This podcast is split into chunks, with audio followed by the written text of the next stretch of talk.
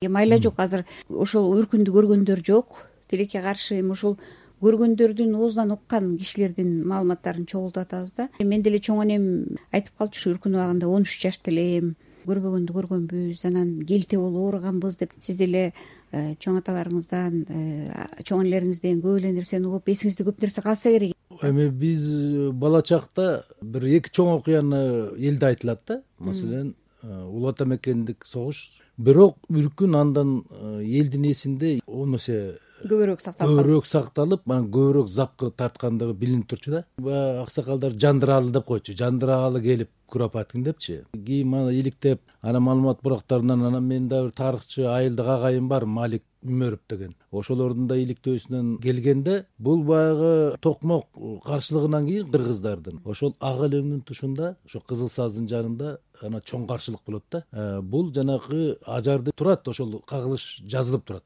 Ошол биздин ала көз каба деген эл кескенбелден бери тиги көк мойнокко чейинки эл э, ошол жерден согушат. Бул жана жазалоо отряддары эки тараптан келет экен да. Боом менен экинчиси болсо тигил э, тогуз тороодон анан нарынды өтүп анан ички өтөрдүн ашуусу коңур өлөңдүн ашуусу деген ашуулар бар. Ошол жак менен куропаткин жандыраалы ошол жактан келип атат. Ак өлөңдө мага каршылык көрсөткөн ушул эл экен мен ушуларды жазалайм дейт анан жанагындай кембагал кедейлер үркпөй калгандарды анан чогултуп алып анан булардын жүрөгүнүн үйшүн алам деп атпайбы э, мындай да айтылат бизде. Аты да айтылат бектур деп ошо куропаткинди э, калың карда көтөрүп түшкөн болот да ага жанагы бир медалын берип коет. Анан караңгылыкты ушундан билиңиз ошо медаль менен эле ал деген э, болуш болуп алат бирок бул саткын деп анан кийин үч төрт жигит уюшуп алып анан аны тымдым кылышат ойлоп кетем ушу жана биздин көсөмдөрүбүз ошол кезекте. Эл бийлери менен букаралардын ошол жанагы которчулук саясатынан кийин бир элүүдөн ашыгыраак көп жыл өтүп кетти да. Ошондо ыдырап бузулуп калган экен да.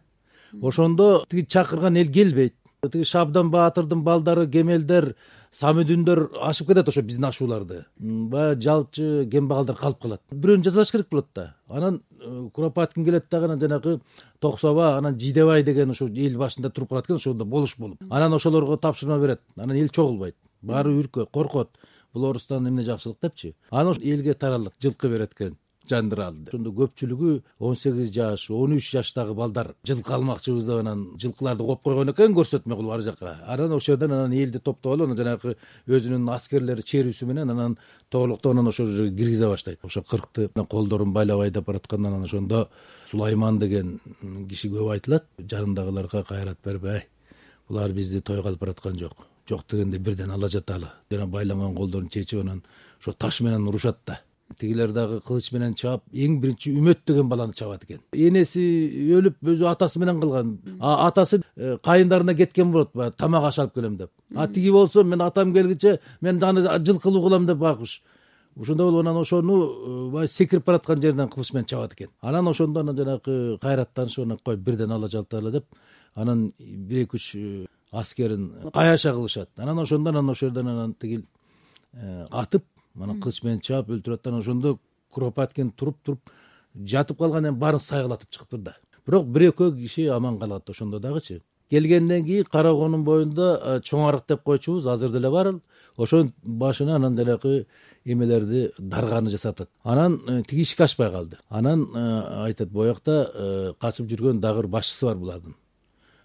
Бул тарыхта жазылып жүрөт канат канат деген кочкордон чыккан болбосо деп анан ошондо бир инисин анан бир баласын кошо деп алып болуптур мен эл үчүн барып берейин деп барып берген деп айтылат биз баргандан кийин анан жанагы уулу менен инисин асып салып атпайбы. Ал өзүн болсо тиги э, нарынын түрмөсүнө алып кетип атышат. Эми э, жана кырк шейит деп аталып калган жер ошол кара коонун жанында болуп атат э? Азыр эми ушул жерде ошо думананын бели деп коет ошо кара коодон бир беш алты чакырым өйдө үстү үстүңкү өрөөн деп коебуз биз. Ошол жака думананын белине баратканда ошол жерде берки бир мойнок бар мындай.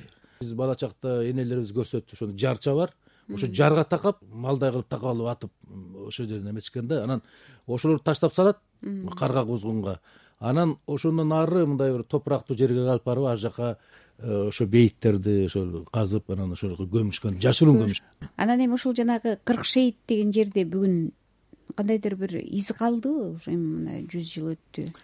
Эми мен ошо чоң энемдин жанакындай арманын көрүп атадан көрө кийин бир китеп чыгарабызбы же бир эстеликтер чыгарып муну жазыш керек экен деп калчумун да. Анан бул эстеликте койчу экен коюш керек экен деп. Эгемендиктин астыңкы жылдары кудай колдоп дегендей баягы өмүр көчү деген ошонун негизинде демилге көтөрүлүп ошо демилгелерди ошонун негизинде жазылгам демилге кылгам да мен баягы кыймылда жүргөндөргөчү.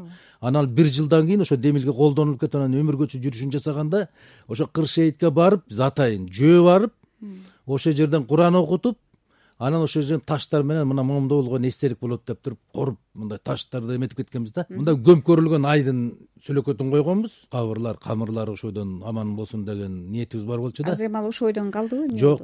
ушул э, биз жетимиш беш жылдыкта ушул ишаратты кылдык. Анан токсон жылдыкта көлтөрлүк кара коолук бир эки ишкер жигиттер каражат кылып анан элди дагы баягы ынтымакка чакырып анан ошол жерге мындай айкел деп койсок болот да. Ошону тургузушту анан ошонун баарын жана биз коргоп кеткен жердин баарын темир тор менен торлоп коюшту. Азыр азыр кадимкидей көрүстөн сыяктуу э, корголуп калды да. Анан ошол жерден ошо кырк кишинин аты жазылды э, азыр эми каттап турабы кишилер мындай эскерип эми ал жолдун бою да.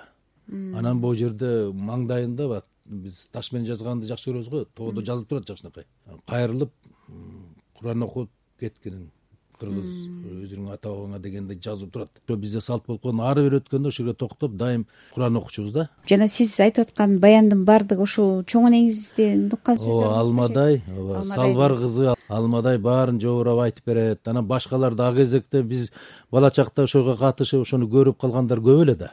Калгандары канча пайыз түзгөн? Болжой аласызбы? Элдин айтымында бир жыйырма отуз болсо керек балким ошолордун ичинен э, мындай кырылып калгандар көп болгон бекен же эми жанакындай окуя болгон бирок бирок мындай да айтылат биздечи. Маселен айрыкча могу кызыл суу азыр кызыл суу деп атпайбызбы ошол жерде самсонов деген болгон экен. Ошол он жетинчи он сегизинчи керек болсо жыйырманчы жылга чейин кулак го дейм эми кулак помещик бийлеп ошол кадимкидей залпкысын көрсөтүп турган. Ал совет мезгили толук орной элек да он жетинчи жылы биякта э, ички тиги борбордук орусияда э, эме ыңкылап болсо да тияка жете элек болчу да. Бирок ошол эле мезгилде э, кыргыздарга жан тарткан орустар дагы ошол аскерлердин арасында көп болгон дейт. Ошол жөнүндө элдин өзүнүн сөзү барбы мен эми мынакей кең суудан кер өзөн деген романдардан окуп атам. Кайрымдуулар болгон депчи. Эми ал ишенимсизирээк образдар да чынында эми азыр жүз жылдык деп атпайбызбы тарыхтын өзүнүн ордуна коюшубуз керек. Деп анан ошондо ушулардын баардыгы ачык айтылабы эгер айтылса чын эле азыркы саясатка э, мындай төп келбей калат деген бир кооптонуч болбойбу. Эми тарыхтын чындыгы үчүн жалтактабайлы алардан дагы бирдемкесин бербей коет деп антип мынтип чочулабайлы ушу э, чыгарып алсак жакшы болот эле. э, анан эң негизгиси эми азыркы муунга менин оюмча бизге. Э, ошол э, өзүбүздүн жашоо иретибизди э, калыбына келтирүү маселесин чечип алышыбыз керек да. Биздин өзүбүзгө иретке келсекчи мен ойлор элем да бул эл жакшы тилек тилеп туруш керек да маселен. Биздин чоңдор маселен жөнөкөйлөп айтканда чоңдор ушул элге кайрымдуу болсо экен. Биздин турмушту чындап эле оңдосо экен. Дегенди көбүрөөк ниет кылсак ойго ушуну көбүрөөк салсак а эгер эл деген булар убада берди эле анан аткарбай атат булар ийит десек биз өзүбүз утулабыз да. Ушул ирет э, үркүнгө чейин бузулуп калган үркүндө ошонун э, чаржайттыктын азабын тарттык бириге албай. Анан эми ушу жүз жыл өткөндөн кийин ошол иретибизди кайра келели деген чындап эле э, көсөмдөрүбүз менен билгилерибиз анан жөнөкөй букара элдердин бири бирине атам замандан бери келаткан жармакташып жашоосун калыбына келтиришибиз керек болуп атат да. Көсөмдөрүбүз туура эмес чечим чыгарган эки чечим э маселен. Тиги тоолу тоонун шартын өзгөртөбүз деди эле алар көтөрүлөбүз митингге чыгабыз десе өзгөртүбүйдү. Кайра же болбосо жанагы менчиктерди камсыздандырабыз дейт. Алар эметсе аны дагы эки жылга жылдырып койду да. Демек эл менен э, каршылашуу негизи калып калып атат да бизде. Ошондуктан эл баарыбыз бир мамлекет болгондон кийин бири бирибизге түшүнүү менен мени эл буга койдубу буга ойгой кой мен элге ылайыктуулак чечимдерди чыгарайын деп туруп алар да аракеттениш керек ошондо каршылашуу болбойт да а бул ирет ошо атам замандан бери келаткан ирет да бул иреттин бузулушуна деле ушул жанагы падышалык орусиянын таасиринен абдан чоң болгон абдан чоң болгон. Ошол жанакы мен көптөгөн окуяларды дагы айткан жокмун убакыттын таардыгы деп эме болуштардын мамилеси жанакындай саткынчылык кылгандардын мамилеси жана канатты кармап бергендин мамилесинин баары ошол иреттин бузулганынан болуп атат да. Өзүбүз эле жан сактап буга күнкор болуп калды эми ушуга кызмат кылалы дегенден болуп атпайбы. Анан ошол ирет ошол ошол э, ошондогу булар бизге отургузуп койгон аң сезимибиз ошондон бери арыла албай келатабыз да. Жүз жылдык эскерүү ушул кыргыз журтчулугуна жалпы бир кандайдыр бир сабак алганга жардам бере алабы эми мен айтаар элем ушул э, жана азыркыда ойду багып жүргөндөр ушулардын баарын кайра иреттейли деген э, изденүүлөр бар буюрса. Анан ошо жанагы билги деген институтту кайра алып келсек билгиликтичи. Билгилик дегенде бул үчкө бөлүнүп атат. Сөз билги иш билги анан жөн билги. Сөз билгилер ошолордун сөзү ынанымдуу болуп сөзү менен иши айкалышып туруш керек. Иш билгилер болсо бул профессионал деп жүрөбүз э. Ошол иш билги болуш керек ошолордун баары мекемелерде ошолор отуруш керек да. Ал эми эң башында жөн билгилер отуруш керек да. Иш сөздү да билген ишти да билген. Анан жөн билгилер ошол жака отурса ушул иретти алып келсек анан жанакындай биздеги э, букара э, байлар э, акылмандар анан жанакындай бийликтегилердин мындай бир эре шаркагы келиш керек. Ушуну орнотушубуз керек да. Ушул жагын көбүрөөк сүйлөшүп ушул жагын орнотсок жакшы болот эле. Анткени ар бир фактыны айтып анан деген мындай болуп калды анан тигиндей болуп калды деп бир дагы өч алуу же болбосо дагы бир тааныштарды айтып отургандан бизге пайда жок азыр. Азыр биз кайра ошол эмненин кесепетинен келди. Өзүбүздүн эмени бузуп алгандан келиптир. Демек ошол өзүбүздүкүн кайра орнотолу буларга э, тигил кытайдан орусиядан же иран же америкадан э, инвестициянын кереги жок. Бул өзүбүз гана жыйрылып өзүбүз акылыбызды өзүбүздүн билимибизди кайра алып келишибиз керек да. Улуттук билимибиздичи эскерүү аркылуу келечекке бир салым кошушубуз керек деген нерсе да жок жүрүм турумдун билимин кайра. Жашоонун өзүбүздүн жашообуздун өзүбүздүн иретибизди алып келишибиз керек. Бул жагында табылгалар изденүүлөр барбы эл ичинде мен ошолорго да аралашып жүрөм анан ошондон демдүү айтып атам рахмат